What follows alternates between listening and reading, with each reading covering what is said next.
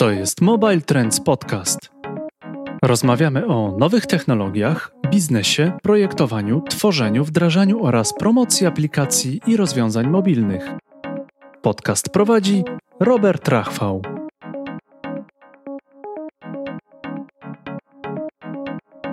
Witam Państwa bardzo serdecznie w kolejnym odcinku podcastu Mobile Trends. Będziemy dzisiaj rozmawiać o aplikacjach mobilnych na rynku B2B. Naszym gościem jest Tomasz Wit, e, przedsiębiorca działający od 2001 roku na, na rynku, jak i również e, współtwórca, współzałożyciel e, i prezes spółki Norbsoft, firmy, która od 2001 roku tworzy aplikacje mobilne. Tomek jest również członkiem kapituły konkursowej Mobile Trends Awards. Już niedługo poznamy laureatów kolejnej edycji Mobile Trends e, Awards, a ja już dzisiaj serdecznie wszystkich zapraszam na e, konferencję Mobile Trends Conference, która odbędzie się 17-18 e, marca w Krakowie i mam nadzieję, że będzie również można się tam spotkać z Tomkiem na żywo. Cześć Tomku. Cześć Robercie, dzień dobry Państwu. Jak najbardziej zamierzam brać udział w Mobile Trends, więc yy, będę przed rozpoczęciem nagrania dyskutowaliśmy, że Tomek jest bardzo długo w kapitule konkursowej. E, wyliczyłeś, że to jest twoja, to będzie twoja która? Szósta edycja? Tak, szósta edycja. Jestem od stycznia 2017 roku w kapitule Mobile Trends. To chciałem się zapytać z punktu widzenia członka kapituły e, konkursowej. Jak oceniasz miniony e, rok na rynku mobile w Polsce? Czy będzie zacięta walka i rywalizacja? Czy widzisz sporo aplikacji, które e, może zawalczyć o miano najlepszej w Polsce? W zeszłym roku mieliśmy z powodu pandemii bardzo dynamiczny wzrost, w szczególności aplikacji w dziale e-commerce. Jak ten kolejny rok według Ciebie minął na rynku w Polsce? Ten rok również był bardzo szybki i, i, mocno rozwijający się. Dużo firm e, postanowiło nie czekać na powrót do zupełnej normalności. Zauważyło, że ta pandemia będzie z nami już na dłużej i nie ma co czekać, wstrzymywać budżetów czy, czy planów na rozwój. Stąd my obserwujemy, ja osobiście również, duży, duży rozwój i zapotrzebowanie wszędzie na specjalistów e, od produkcji aplikacji mobilnych, co oznacza, że te aplikacje powstają, nawet jeżeli jeszcze się nie ukazały to już są w produkcji, bo to zapotrzebowanie na rynku jest przeogromne. Myślę też, że e, nie tylko chodzi o nowe aplikacje, ale jakby te aplikacje, które już istnieją na rynku, one też bardzo dynamicznie się rozwijają i zmieniają, dostosowując się do panujących warunków i do panującego otoczenia. Zdecydowanie tak. To jest klucz, żeby nadążać za zmianami i dostosować się do potrzeb użytkownika, czyli towarzyszyć mu w zmiennych warunkach, w innych. Jeżeli wcześniej mm, e, nasz produkt e, zakładał, że użytkownik podróżuje, zmienia miejsce, przebywa raz w pracy, raz w domu i, i, i jednak jest bardziej mobilny, teraz częściej e, przebywa w jednym miejscu, rzadziej się przemieszcza. Pandemia wymusiła na ludziach trochę inny, inny sposób życia. I e, wobec tego produkty mobilne muszą się również do tego dostosować. To nie jest tak, że jak człowiek e, teraz został w domu, to, to przerzucił się w całości na korzystanie z komputera i aplikacji mobilnych już nie używa. Absolutnie nie. Nadal na kanapie wygodniejszym narzędziem do korzystania jest telefon niż komputer, który coraz częściej służy już tylko do pracy. Czy u Was e, w firmie również zaobserwowaliście zmianę właśnie w procesie tworzenia aplikacji spowodowaną sytuacją na rynku? E, w procesie może niekoniecznie, natomiast e, w ilości i zapotrzebowaniu zmian jak najbardziej. Jest e, trwała walka o zasoby, tak naprawdę, bo każdy chce zdążyć ze swoimi zmianami, chce wdrożyć coś nowego i wypuścić na rynek jak najszybciej, bo, bo jest duże zapotrzebowanie wśród klientów.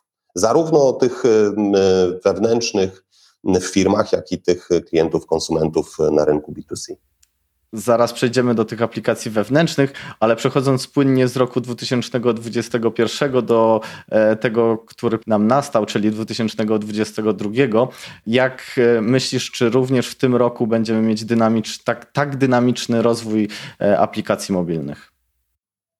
Zdecydowanie, to jest nie do zatrzymania, zwłaszcza, że następuje era cyfryzacji tak naprawdę wszystkich możliwych sektorów. To, to jest proces, który rozpoczął się już e, dawno temu tak naprawdę, ale pandemia przyspieszyła go w ten sposób, że mm, w zasadzie nie ma już biznesu, który o tym by nie myślał albo nie zaczynał tej cyfrowej transformacji która często bardzo zaczyna się od aplikacji mobilnej. To jest często pierwsze okno na świat danej instytucji czy, czy firmy, która wcześniej e, działała w jakimś starym schemacie działającym od lat. W tej chwili coraz częściej muszą się zmierzyć z tym, że jednak procesy powinny być cyfrowe, a jeżeli cyfrowe, e, to także za pomocą urządzeń mobilnych, które są wszędzie i dla każdego.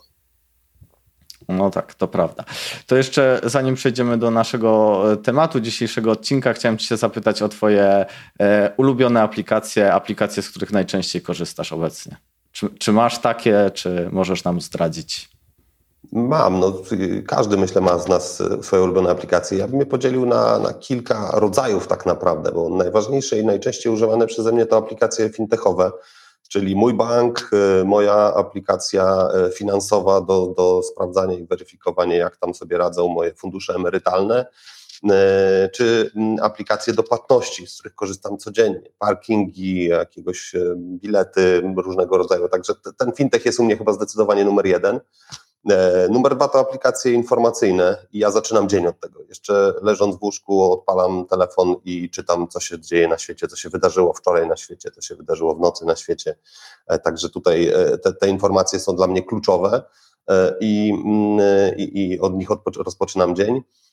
Dodatkowo narzędzia. Bardzo lubię korzystać z aplikacji na przykład ułatwiających mi, przyspieszających procesy typu zapłacenie za paliwo z telefonu, i nie wyobrażam sobie w zasadzie w tej chwili już e, nie reklamując tutaj, korzystam z jednej firmy e, czy z jednej stacji benzynowej, z marki jednej stacji benzynowej właśnie ze względu na to, że mogę płacić telefonem. To jest dla mnie niesamowita oszczędność czasu, a w dobie pandemii dodatkowe ułatwienie. Nie muszę zakładać maseczki, wchodzić do środka do budynku, tylko płacę na miejscu. Także tych aplikacji trochę jest. No i oczywiście e-commerce. E-commerce zdecydowanie to jest coś, co ja lubię, ponieważ Nigdy nie byłem wielkim fanem chodzenia po sklepach, a teraz mogę tego zakupy robić w zasadzie w każdej możliwej branży za pomocą mm, aplikacji mobilnych, więc y, korzystam z tego. Odbieram paczki, mm, zamawiam, korzystam jednym słowem. Myślę, że jakbyśmy położyli nasze smartfony obok siebie, to by mogło się okazać, że mamy bardzo podobne aplikacje i e, bardzo, być może nawet i te same są naszymi ulubionymi, e, co mnie bardzo cieszy. E, ale pokazałeś aplikacje z różnych dziedzin. Ostatnio mm, jest taki trend, że w najbliższej przyszłości, chodzą takie głosy, że w najbliższej przyszłości e, będą bardzo modne e, tak zwane super aplikacje, czyli nie aplikacje pojedyncze, które realizują jedne funkcjonalności typu opłata za paliwo, opłata za autostradę, opłata za parkingi, bo e, prawdopodobnie masz trzy aplikacje różne, które realizują te, ułatwiają nam akurat te aspekty życia, ale właśnie takie super aplikacje, które będą skupiać te wszystkie elementy w jednym jednym. Co sądzisz? Czy myślisz, że takie super aplikacje to faktycznie jest przyszłość? Czy marki pozwolą jakby oddać trochę mm, w ręce tych super aplikacji e, funkcjonalności ze swoich apek aplikacji? Dla mnie to jest bardzo ciekawy trend. Ja go śledzę od, już od dłuższego czasu e, i tak naprawdę zauważyłem go mocno e, w związku z dyrektywą unijną dla banków, która zmusiła je do udostępniania swoich API dla użytkowników innych e, banków po to, żeby można było na przykład podejrzeć sobie saldo w innym banku. I to zaczęło na rynku faktycznie taki trend e, marketplace'ów API, gdzie można e, skorzystać, pobrać czyjeś API, dołożyć je do swojego produktu i z niego korzystać. To zdecydowanie świetny pomysł i ja wcale bym się na miejscu marek nie, nie bał przystępować do tego procesu, udostępniał swoje API jak najwięcej bo użytkownik e, nie będzie miał problemu z tym, czy nie zapomni o tej marce, o tym produkcie, z którego korzysta tylko dlatego, że e, będzie korzystał z tych usług za pomocą innej super aplikacji, jak to nazwałeś. E, natomiast będzie bardzo zadowolony, będzie wzrastał poziom jego zadowolenia z takiej usługi, jeżeli będzie mógł z niej korzystać jeszcze szybciej, o jeden krok mniej, bo tak jak mówiłeś, zapłaci za niej z tej aplikacji za paliwo, za parking, kupi bilet do kina, i tak dalej. Także to, to jest zdecydowanie świetny trend. Nie bójmy się udostępniać API, twórzmy API dla e, deweloperów po to, żeby mogli e, w innych produktach je umieszczać. i twórzmy takie produkty, bo im mniej użytkownik będzie miał różnego rodzaju e, aplikacji na swoim telefonie, tym tak naprawdę lepiej dla tych wszystkich podmiotów, bo e, będzie się mniej gubił, będzie częściej pamiętał o tym, że jednak, e, żeby jednak skorzystać. Jeżeli mamy kilka programów lojalnościowych, to fajnie by było mieć je wszystkie w jednym miejscu, z, z nie tylko przedstawieniem karty, bo to już było od dawna, ale z, rzeczywiście z możliwością pełnego skorzystania z tej funkcji E, którą ona nam daje, e, jakichś punktów e, zamówienia, nagród i tak dalej. Także rynek marketplace'ów API to moim zdaniem kolejna rewolucja, która mam nadzieję w przyszłości nastąpi i stanie się szeroko używana. To, to będzie bardzo ciekawe. Już sobie wyobrażam taką aplikację, że podjeżdżam na stację benzynową i właśnie w tej aplikacji wybieram, na której, na której stacji, jakiej marki jestem, i mam dostępne w tej aplikacji wszystkie marki e, stacji benzynowych e, w Polsce. I w jednej aplikacji nie muszę się zastanawiać, czy jadę na, do, do firmy X, czy do firmy Y i mogę zapłacić przez tą aplikację. No ciekawe, czy, czy szybko e, zrealizują się takie plany. Wszystko zależy od otwartości e, no, tych firm, które mają te dane, bo jeżeli e, zajrzymy teraz do, na podwórko na przykład firm zajmujących się carsharingiem, czy e, hulajnogami, czy transportem współdzielonym, gdybyśmy mieli dostęp do API każdego z tych podmiotów, moglibyśmy zrobić jedną aplikację, która na mapie umieściłaby wszystkie możliwe do wypożyczenia pojazdy różnego typu, od hulajnog poprzez rowery, samochody, skutery, elektryczne, spalinowe, no, wszelkiego rodzaju, wszystko, czym możemy się przemieszczać, to myślę, że, że taka aplikacja byłaby absolutnym hitem rynkowym i wzrosłaby, a nie spadła e, tak naprawdę przychodowość każdego z tych uczestników tego rynku, bo e, wzajemnie by się uzupełniali. Użytkownicy często rezygnują z korzystania z, z, z czyjejś usługi, bo na przykład samochód jest za daleko, hulajnogi nie ma w okolicy, E, e, a czymś tam nie mogę gdzieś indziej parkować, bo ktoś ma tam e, akurat strefę, w której nie można zostawić tego pojazdu. Jeżeli byłbym w stanie zmontować sobie podróż właśnie takim carsharingiem, czy, czy współdzielonym jakimś innym, inną hulajnogą czy rowerem, to chętnie bym z niej korzystał, bo mam proces swój podróży rozpoczęty tam, gdzie chcę, w tym miejscu, w którym tego potrzebuję i zakończony też w tym miejscu, w którym potrzebuję, bez konieczności zastanawiania się i, i, i poszukiwania albo rezygnowania wręcz z usługi. Także zdecydowanie korzyść dla wszystkich. Dokładnie rozumiem, że masz to, to, samo odczucie jak ja, kiedy muszę odpalić e, pięć aplikacji różnych, żeby sprawdzić, gdzie faktycznie e, to auto, które auto jest najbliżej mnie, czy która hulajnoga, ale muszę ci powiedzieć, że e, jestem przekonany na 95%, że taka aplikacja już jest. Co prawda nie ma tam wszystkich dostępnych marek carsharingowych, ale już widziałem taką aplikację, gdzie na jednej mapie miałem zaznaczone wiele firm i wiele marek, natomiast niestety nie można jeszcze przez tą aplikację zamówić, zrobić rezerwację, ale to już jest jakiś postęp. Przejdźmy do naszego tematu. Aplikacje dla e, biznesu. Aplikacje głównie nam się ko kojarzą właśnie z aplikacjami dla konsumentów, e, z których korzystamy, czy to aplikacje komersowe, w których sobie zamawiamy jedzenie, produkty, czy to aplikacje typu właśnie car sharing. Natomiast rynek aplikacji biznesowych jest również bardzo, bardzo duży i szeroki. I wy jako Norbsoft robicie całkiem sporo takich aplikacji e, biznesowych, co jakby potwierdza e, tą tezę. Zgadza się i robimy je już od bardzo dawna. To jest tak, że jednym z naszych klientów jest e, spółka produkująca meble tapicerowane, którą obsługujemy już od 10 lat. Także to jest rynek bardzo, bardzo, bardzo obiecujący i trwający już od dłuższego czasu. Znaczy, tam, gdzie ta cyfrowa transformacja następuje, tam ten mobile najczęściej towarzyszy. Natomiast ten rynek jest zupełnie inny, jeżeli chodzi o e, jego marketingowość, tak bym powiedział, ponieważ to jest rynek, który lubi ciszę. E, firmy najczęściej nie chcą zdradzać swojej przewagi konkurencyjnej e, innym podmiotom i nie do końca w takim razie chcą się chwalić tym swoim produktem, a już pewnie nawet po tym, jak się pochwalał, to jak najmniej o nim powiedzieć, niekoniecznie zdradzać, jak działa, jakie są jego sekrety, jak uprościli procesy, ile udało się na tym uzyskać oszczędności. To wszystko sprawia, że ta firma e, ma jakieś przewagi i ona wcale nie chce się tym podzielić. Stąd nasz los jako dewelopera tych aplikacji jest troszkę trudniejszy. Nie możemy e, e, pochwalić się nagrodami czy jakimiś wielkimi danymi, ponieważ te firmy najczęściej nie chcą się tym dzielić i im jest dobrze tak jak jest, czyli z nami pracującymi dla nich po cichu, rozwijającymi te aplikacje na spokojnie, bez rozgłosu. Do czego taka aplikacja może służyć? Jak taka firma może taką wewnętrzną aplikację wykorzystać?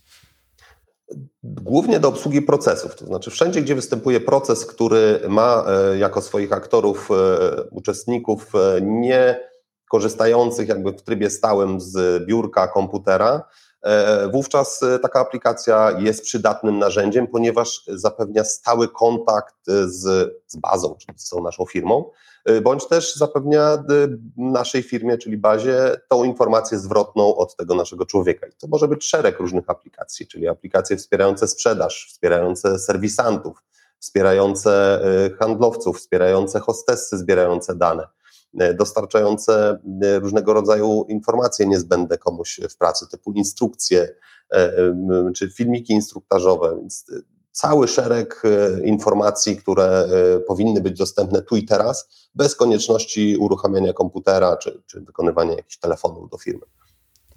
Czyli rozumiem, że jakby korzyści z posiadania takiej aplikacji dla firmy też są bardzo duże w tym przypadku. Jak najbardziej. Najczęściej jest to oszczędność czasu, co przekłada się w jasny i prosty sposób e, na pieniądze. Mm, ale też w ułatwieniu, bo to też pomaga na przykład w procesach onboardingowych. W momencie, kiedy przyjmujemy nowych pracowników do firmy i, i, i dostaje e, aplikację mobilną, ma tą aplikację z jakimś wstępnym procesem onboardingu e, i już wie, jak działać, jak korzystać. Są tam podpowiedzi, e, czasami filmiki, także to jest też ułatwienie tego procesu, a przede wszystkim jest to też produkt, z którym to pokolenie, które wchodzi na rynek pracy, Zetki i za chwilę kolejne zanim e, e, Alfy za jakieś tam paręnaście lat pewnie. E, to są ludzie, którzy już się urodzili ze smartfonami w ręku. Dla nich to jest naturalny przedmiot i prędzej ich trzeba uczyć, jak dobrze korzystać z komputera jako narzędzia, niż z telefonu. Ja to widzę po swojej córce, dla której telefon jest podstawowym narzędziem, a komputer absolutnie zupełnie dodatkowym, czymś, bez czego można się obejść chyba że pani w szkole każe zrobić. To dokładnie tak, jak będzie później w pracy. Chyba, że pracodawca mi każe coś zrobić na komputerze, to zrobię, ale jeżeli da się to zrobić e, aplikacją mobilną, to wolę apkę, bo to jest e, coś, co jest dla mnie naturalne. Okej. Okay. Zanim przejdziemy do konkretnych przykładów e, z Waszego portfolio, to jeszcze chciałem się zapytać z punktu widzenia Was, jako firmy tworzącej aplikacje, zarówno B2B i B2C, jak bardzo różni się taki proces tworzenia aplikacji takiej konsumenckiej, a takiej firmowej. Na przykład zastanawiam się, czy takie aplikacje wewnątrzfirmowe, czy je również się publikuje w, w, Google Play, w App Store, czy one są tylko i wyłącznie e, do pobrania, czy jakby takie tworzenie aplikacji we, wewnętrznych jest prostsze z tego powodu, a może wręcz przeciwnie, jest trudniejsze.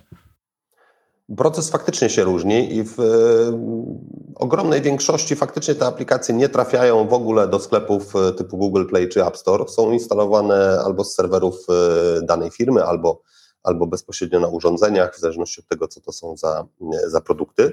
E, także tutaj sam proces dystrybucyjny jest inny, ale zdarzają się też i takie aplikacje, które są dostępne w sklepach, tylko tyle, że są zamknięte loginem, hasłem znanym tylko pracownikom czy, czy osobom upoważnionym do tego. Natomiast to, co w procesie jest jakby zupełnie inne, to to, że te aplikacje e, tak naprawdę no, są innego typu. One nie potrzebują być ładne, nie potrzebują być modne, nie potrzebują e, spełniać najnowszych e, trendów, które akurat są w tej chwili na topie i, i muszą być, nie wiem, z gradientami, tam bez gradientów, a tu flat UI, a tu coś tam. Myśmy przeszli przez, przez te wszystkie zmiany na rynku płynnie, a aplikacja B2B od 10 lat może wyglądać tak samo. Ona wręcz jest wskazane, żeby się specjalnie nie zmieniała, ponieważ jest elementem procesu w firmie, który jest procesem trwałym. Do momentu, w którym ten proces e, się nie zmienia, czyli gdzieś w firmie nie jest podjęta decyzja o tym, że w tej chwili wdrażamy nowy proces, bo na przykład e, mamy inną metodologię prowadzenia projektów, to ten produkt jest e, dopasowany do procesu i on nie powinien się zmieniać, ponieważ na nim oparte jest całe szkolenie, cały proces tworzenia, sprzedaży, edukacji i tak.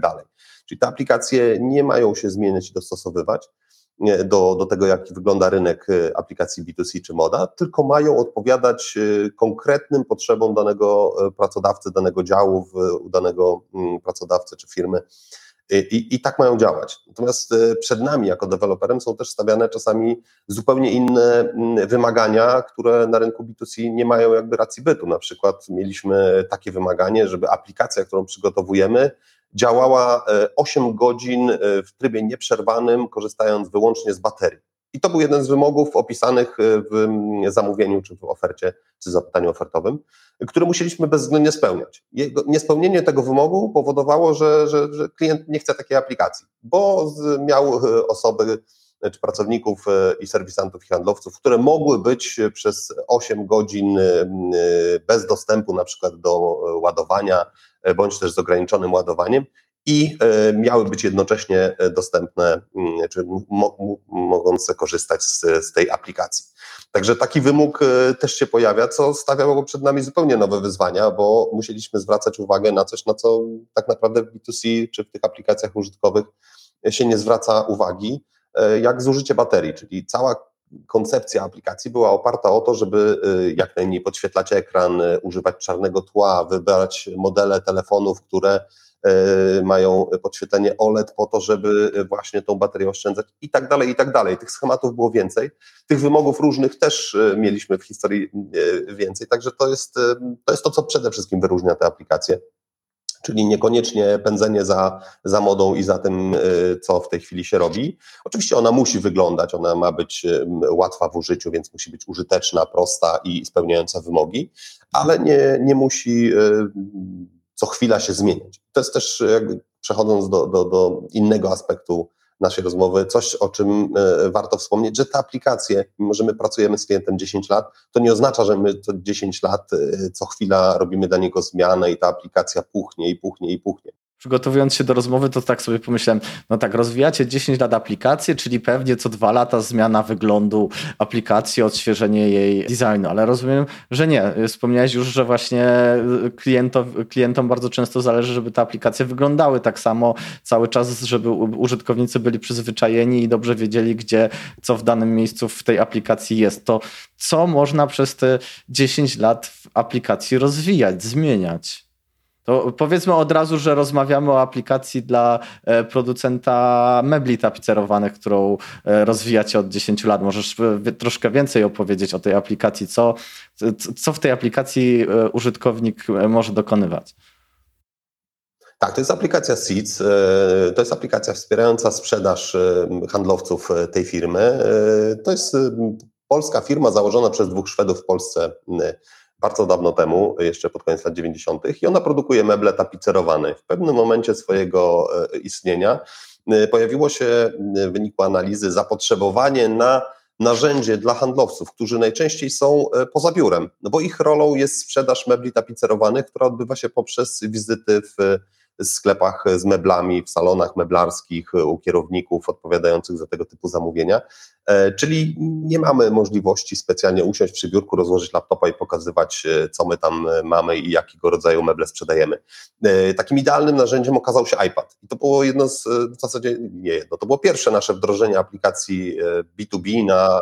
To, przepraszam, że ci przerywam, ale pierwsza moja myśl to na rynku przecież jest mnóstwo aplikacji wspierających sprzedaż, mnóstwo gotowych rozwiązań webowych, mobilnych Dlaczego w takim razie firma decyduje się na dedykowaną aplikację mobilną na iPada, która będzie wspierać ich sprzedaż? Nie, nie mogą na przykład wybrać. Oczywiście ja wiem, że dla Was to jest na korzyść, bo robicie aplikację, ale nie mogą na przykład wybrać jakiegoś gotowego rozwiązania. Nie, nie sprosta to im oczekiwaniom. Mogą i tutaj jest gotowa odpowiedź. To znaczy, najczęściej firmy, e, które tworzą gotowe rozwiązania, starają się, żeby one były jak najbogatsze. To znaczy, wygrywa ten, który ma gotowe rozwiązanie z jak największą liczbą funkcjonalności. No bo jeżeli e, na rynku firmy szukają już gotowego rozwiązania, no to wiadomo, że będą chciały wybrać takie, które ma dużo tych, tych funkcjonalności.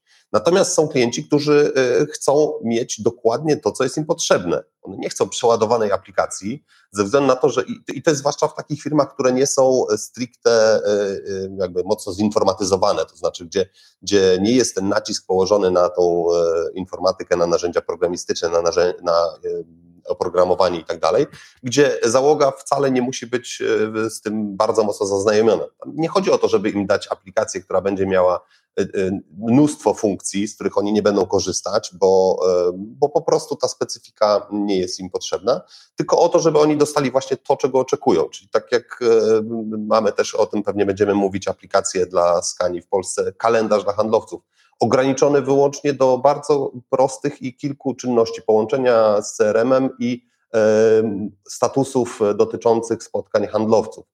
Chodziło o to, żeby nie dawać klientowi e, czy, czy pracownikom nadmiaru e, funkcji, z których nie będzie korzystał, ponieważ to wymaga znowu edukacji. On musi wśród gąszczu e, tych funkcjonalności odnaleźć te właściwe i tylko z nich korzystać. Po co, jeżeli to nie jest potrzebne? A gotowy produkt najczęściej będzie miał ich więcej. Jeżeli ma, mielibyśmy z tego gotowego coś usuwać, to znowu robi się trochę pseudo-dedykowany, bo jakieś zmiany są to i tak powoduje koszty, więc e, firmy decydują się na dedykowane rozwiązanie, e, też z powodu takiego, że mają swoje różne e, źródła dostarczania danych.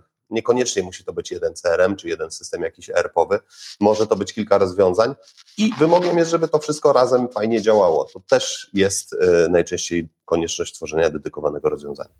Rozumiem. E, biorąc e, przykład tej aplikacji, o której rozpocząłeś e, opowiadać, czyli kalendarz dla handlowców Skania, wydaje się, że to jest bardzo prosta aplikacja z prostymi funkcjonalnościami. Czy tutaj w tym przypadku nie wystarczyło tańszego rozwiązania, czyli po prostu korzystanie z weba, z, ze strony? Czy to jest jakby tak częste korzystanie przez e, tych handlowców z tych funkcjonalności, że jakby tutaj było zalecane e, stworzenie aplikacji mobilnej. W momencie, w którym była ta decyzja podejmowana, nie było jeszcze tak dobrych rozwiązań webowych, które działałyby offline. Tu chodziło głównie o to, że ta aplikacja działa też offline i ona synchronizuje te dane w momencie, kiedy ma to połączenie, e, jeżeli je utraciła oczywiście, to jest w stanie je sobie synchronizować. Czyli to działanie w momencie, w którym było definiowane, było e, bardzo znaczące, a wtedy jeszcze nie było takich rozwiązań czy aplikacji webowych, które łączą w sobie właśnie to działanie offline'owe z, z online'owym. No tak, teraz mamy PWA, TWA i mamy aplikację webową i mamy aplikację mobilną od razu. No to, to też jest prawda dokładnie. Tak, a tutaj mówimy o produktach, które my rozwijamy od lat, więc jakby inna sytuacja była wtedy, a inna jest e, obecnie. Za każdym razem masz jakiś argument, kurczę. No. Wiesz, my się specjalizujemy w aplikacjach natywnych od, e, od 18 lat. Najpierw Java, później e, e, Android, iOS, więc bronimy tego zaciekle i zawsze mamy odpowiednią ilość argumentów, ponieważ to działa. To jest ten chyba najważniejszy argument. To działa niezmiennie od lat. To też pokazuje, że mimo tych wszystkich rewolucji, to, to zobacz, mamy aplikację na iPada, która działa od 10 lat. Mamy aplikację Oriflame'ową, która działa od 8 lat i, mógłbym tak wymieniać. Te aplikacje B2B działają niezmiennie. Ale ja doskonale zdaję sobie z tego sprawę, trochę tak e, zadziornie zadaję pytania, ale ja wiem jakby jaka jest przewaga też aplikacji, e, a i fajnie tą, tą przewagę pokazać e, naszym słuchaczom i, i wszystkim, którzy nas oglądają. Jedziemy do kolejnego pytania. Aplikacja wspomagająca pracę monterów wodomierzy kurczę, 7 lat rozwijacie taką aplikację, to też fantastyczny wynik. I moje pytanie brzmi, czy na przykład macie jakieś dane, jak ta aplikacja usprawniła, ile zaoszczędziła czasu tym e, monterom? Nie mamy jeszcze tych danych, ale przyznam szczerze, zainspirowałaś mnie do tego, żeby te dane zebrać e, z MPWiK. Mało tego, MPWiK e, również stwierdziło, że to jest świetny pomysł i faktycznie do tego przysiądą, bo latami niczego takiego nie analizowali. My jako Software House dość mocno technicznie do tego podchodziliśmy i też e, do rozwoju tej aplikacji e, nie naciskaliśmy na, na dane marketingowe, ale faktycznie czasy się trochę zmieniły, my też się musimy do tego dostosować. E, pracujemy aktualnie nad nową naszą strategią i trochę tego marketingu będzie też od nas więcej. Natomiast ta aplikacja pozwala minimalizować to, co mogę od razu powiedzieć, ilość błędów. Bo tu głównie chodzi o to, że proces wymiany wodomierza polegał kiedyś na tym, że no, mieliśmy papierowy raport, który był wypełniany, do którego wpisywany był numer kodu e, danego wodomierza e, i sporządzany był raport, gdzie został zainstalowany, pod jakim adresem i, i przez kogo. Teraz ten proces, i to był proces ręczny, który często odbywał się zbiorczo, na przykład na koniec dnia, gdzie były spisywane te raporty przez wymieniającego co powodowało błędy po prostu. Przypisanie licznika nie do tego adresu, przy którym był wymieniony. Natomiast aplikacja mobilna eliminuje te problemy, ponieważ y, ona jest zespolona ze skanerem y, kodów kreskowych, który szczytuje z danego wodomierza jego numer dodaję go do raportu, dopisujemy tam adres, czy w zasadzie wybieramy ten adres z bazy naszych klientów wodociągowych i taki E, Monter e, podpisuje się pod tym raportem, to też od razu trafia do bazy i jest e, raz, że szybsza informacja o tym, gdzie są te wodomierze, gdzie zostały wykonane przez kogo, i dwa, mniejsza ilość błędów, także to jest jeden z elementów, ale obiecuję, że jak dostanę dane mm, szczegółowe odnośnie właśnie mm, oszczędności czasowo-finansowych, to się nimi podzielę. Super. myślę, że to może być bardzo ciekawy case na konferencję Mobile Trends. Powinny być już gotowe do tego czasu. Przypominamy 17-18 marca widzimy się w Krakowie i między innymi takie e, dane postaramy się, żeby tam były e, zaprezentowane. E, wspomnę tylko, że jedną z prelegentek będzie Natalia Hatalska, która również, jak pamiętam, zawsze ma bardzo interesujące i ciekawe prelekcje dotyczące przyszłości. Ciekawe, jaką przyszłość nam przedstawi, jeśli chodzi o trendy mobile. Chciałem zapytać się, czy pamiętasz aplikację Nowol, która w zeszłym roku wygrała w swojej kategorii, bo jak e, pokazaliśmy e, kategorię aplikacji firm, firmowych czy dla biznesu tutaj jest bardzo szeroka. Bardzo się cieszę, że rozmawiamy o aplikacjach, które być może nie są tak bardzo znane e, szerokiemu e, gronu odbiorców, jak aplikacje komersowe, bankowe, ale mogą być również równie fantastyczne i równie pomocne tylko dla węższej grupy odbiorców. I ja właśnie chciałem wspomnieć o aplikacji Novol, która w zeszłym roku wygrała w kategorii biznes dla firm, ale to było najbardziej fascynujące w całych obradach kapituły e, MTA, że ona również zajęła trzecie miejsce w tej głównej kategorii, gdzie oceniane były wszystkie e, aplikacje, co pokazuje, że takie aplikacje biznesowe dla firm mogą być również i zarówno użyteczne, jak i piękne, przydatne i zachwycające e, członków kapituły konkursowej. Zgadza się, ja to mogę tylko potwierdzić i się pod tym podpisać. Byłem nawet e, członkiem, czy mentorem w zasadzie tej kategorii, więc tą aplikację oceniałem i, i bardzo mi się spodobało to podejście firmy Nowol. E, zarówno samo jej wykonanie, e, e, funkcjonalności, jak i cała otoczka. Oni zrobili do tego niesamowitą otoczkę, nagrali film, jak to działa, dlaczego to zrobili. Przybliżyli ten rynek każdemu i ułatwili, mu, ułatwili każdemu korzystanie z niego. To jest aplikacja taka mieszana, B2B, B2C, ponieważ tam może być każdy odbiorcą tego, tego produktu, tych farb czy lakierów, które oni sprzedają, czy przekazu, jak z tego korzystać. Wiem, że jest wielu domorosłych e, takich majsterkowiczów, którzy chętnie obejrzą sobie film, jak przygotować e, jakiś element do lakierowania, co kupić, e, jakie podkłady zastosować, jakie farby. A ta aplikacja to wszystko ma. To jest świetny instruktaż nie tylko dla tych przedsiębiorców, którzy pracują z, z firmą Nowol i kupują od niej produkty, gdzie mogą jeszcze mm, e, być nagradzani w formie mm, programu lojalnościowego, ale także dla wszystkich innych, którzy e, po prostu chcieliby coś e, porobić samemu i mają świetny kanał edukacyjny. Także ta aplikacja spełnia kilka funkcji. I za to myślę słusznie należała jej się ta nagroda zarówno w kategorii, jak i w tej głównej, w tym głównym konkursie.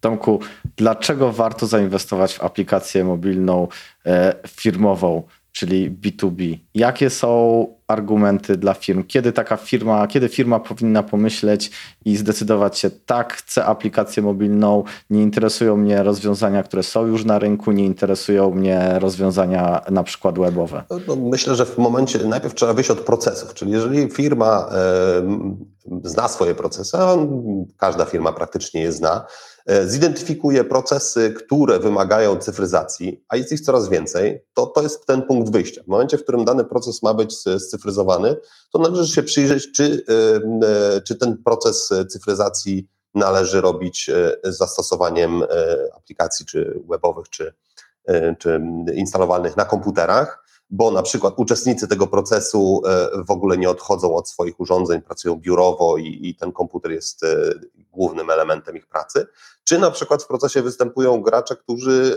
y, korzystają, są odcięci, jakby oderwani od tego miejsca pracy i muszą się przemieszczać, a jednocześnie powinni mieć dostęp. Jeżeli ten dostęp jest na przykład w, różnych miejscach, tak? miejscach, gdzie, gdzie może być czas, czasem trudniej z zasięgiem, czasem z, z, z innymi elementami, to być może aplikacja mobilna będzie lepszym rozwiązaniem niż aplikacja webowa, choć mamy już te inne technologie, które to umożliwiają. To wszystko jest kwestią analizy. Natomiast e, przede wszystkim to jest usprawnienie procesu. Czy to będzie aplikacja, czy rozwiązanie webowe, to za każdym razem chodzi o to, żeby proces był prostszy, żeby proces był szybszy, żeby proces spełniał wymogi i żeby proces przede wszystkim eliminował ryzyko popełnienia błędu, e, czyli pomagał na tyle, na ile się e, da ten, ten, ten schemat nasz operacji czy różnych procesów opisać i powtarzać je za, za pomocą narzędzi. Czy te narzędzia będą wspierały sprzedaż, czy będą wspierały serwis, czy będą wspierały mm, dowolny element e, w różnych podmiotach, to jest rzecz, która jest e, wtórna i nie ma żadnego znaczenia dla mnie jako dewelopera czy, czy firmy deweloperskiej, czy zgłosi się do nas e, huta szkła, czy zgłosi się do nas ktoś, kto jest z, z IT za pan brat i zna się na tym doskonale, a wyłącznie e, może nie mieć kompetencji w zakresie mobilnym, to każda z tych firm będzie potrzebować prędzej czy później e, wsparcia w zakresie mobila, bo ten mobile się pojawi praktycznie u każdego. Wszędzie się przemieszczamy, wszędzie chcemy mieć dostęp tu i teraz. To jest coś, co, co jest e, dla każdego. A tak jak mówię, tym bardziej, że do firm trafiają coraz młodsze pokolenia, które które chcą być na, cały czas jakby w kontakcie i móc korzystać, pracować na bieżąco z, ze swoimi urządzeniami. Świetne podsumowanie dzisiejszej rozmowy. Bardzo mi się spodobał argument, że aplikacje mobilne ułatwiają procesy, ale, jak, ale także eliminują błędy, e, bo e, jakby człowiek popełnia błędy i tutaj ta aplikacja może wspierać to eliminację tych, tych błędów. E, Tomku, bardzo Ci dziękuję za rozmowę. Bardzo miło mi się z Tobą rozmawiało. Widziamy, widzimy się na obradach kapituły Mobile Trends i widzimy się oczywiście na konferencji 17-18 marca w Krakowie. Dziękuję. Jeszcze raz Tobie dziękuję i dziękuję wszystkim za uwagę. Do zobaczenia, do usłyszenia. Ja również dziękuję, do zobaczenia. Dziękujemy za Twój czas. Jeśli słuchasz nas na Spotify albo Apple, daj nam 5 gwiazdek i udostępnij ten odcinek na LinkedInie, Twitterze, Facebooku albo na przykład na Stories w Instagramie. Im więcej ocen, tym algorytm częściej poleca podcast Mobile Trends innym subskrybentom. I właśnie dzięki Tobie dzielimy się wiedzą. Zapraszamy na konferencję Mobile Trends 17 i 18 marca 2022 roku w Krakowie. Do zobaczenia i usłyszenia.